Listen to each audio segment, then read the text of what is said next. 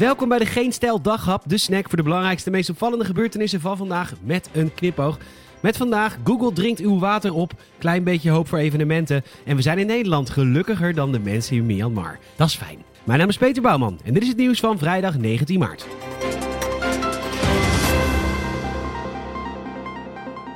Ja, die droge zomers in Nederland die zijn best vervelend. Nog maar één keer per dag douchen, tuinen niet sproeien, auto niet wassen, regenpijpen loskoppelen, kraan uit bij je tanden poetsen.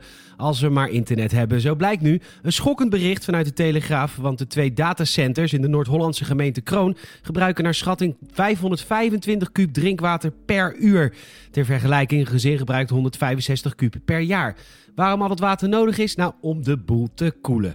En nu wil de gemeente nog vergunningen geven aan vijf andere datacenters. En dat kan zomaar eens 10 miljoen kuub drinkwater per jaar kosten. Bovendien gooien de datacenters een goedje in het water, wat weer terugkomt in het milieu.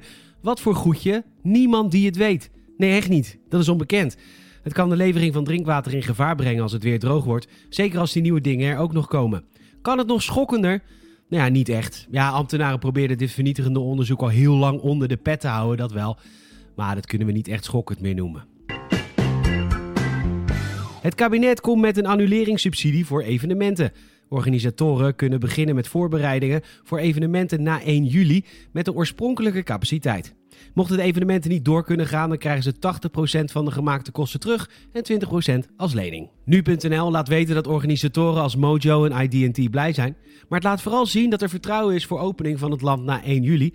Het biedt perspectief, al kan niet iedereen gebruik maken van de regeling. Het betaalde voetbal en de Grand Prix van Zandvoort komen niet in aanmerking, want een evenement moet al twee keer eerder hebben plaatsgevonden en een annuleringsverzekering hebben gehad. 1 juli is nog ver weg en minister Grapperhaus ging vandaag al even op de stoel zitten van het RIVM.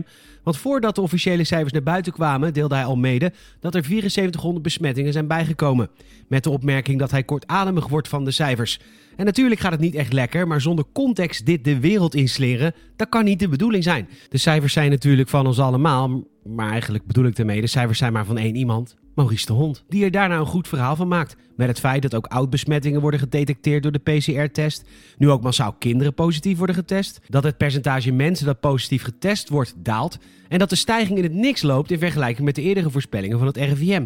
Gaat het goed met de cijfers? Absoluut niet. Maar meneer Grapperhaus, graag de feiten met de context van iemand die er verstand van heeft. Hoe komt het toch dat die Finnen zo gelukkig zijn? Het is er de helft van het jaar amper licht en qua lekkere temperatuur is het ook niet wat. Maar klagen en kniezen, dat doen de Finnen niet en ze zijn voor de vierde keer op rij het gelukkigste land ter wereld. De Verenigde Naties brengt ieder jaar het World Happiness Report uit. En waarom de Finnen zo hoog scoren? Wederzijds vertrouwen is daar een belangrijk onderdeel van, dat schrijft nu. En hoewel het niet altijd opvalt, zijn wij ook een gelukkig volkje. We staan op plek 5, net achter Zwitserland en IJsland.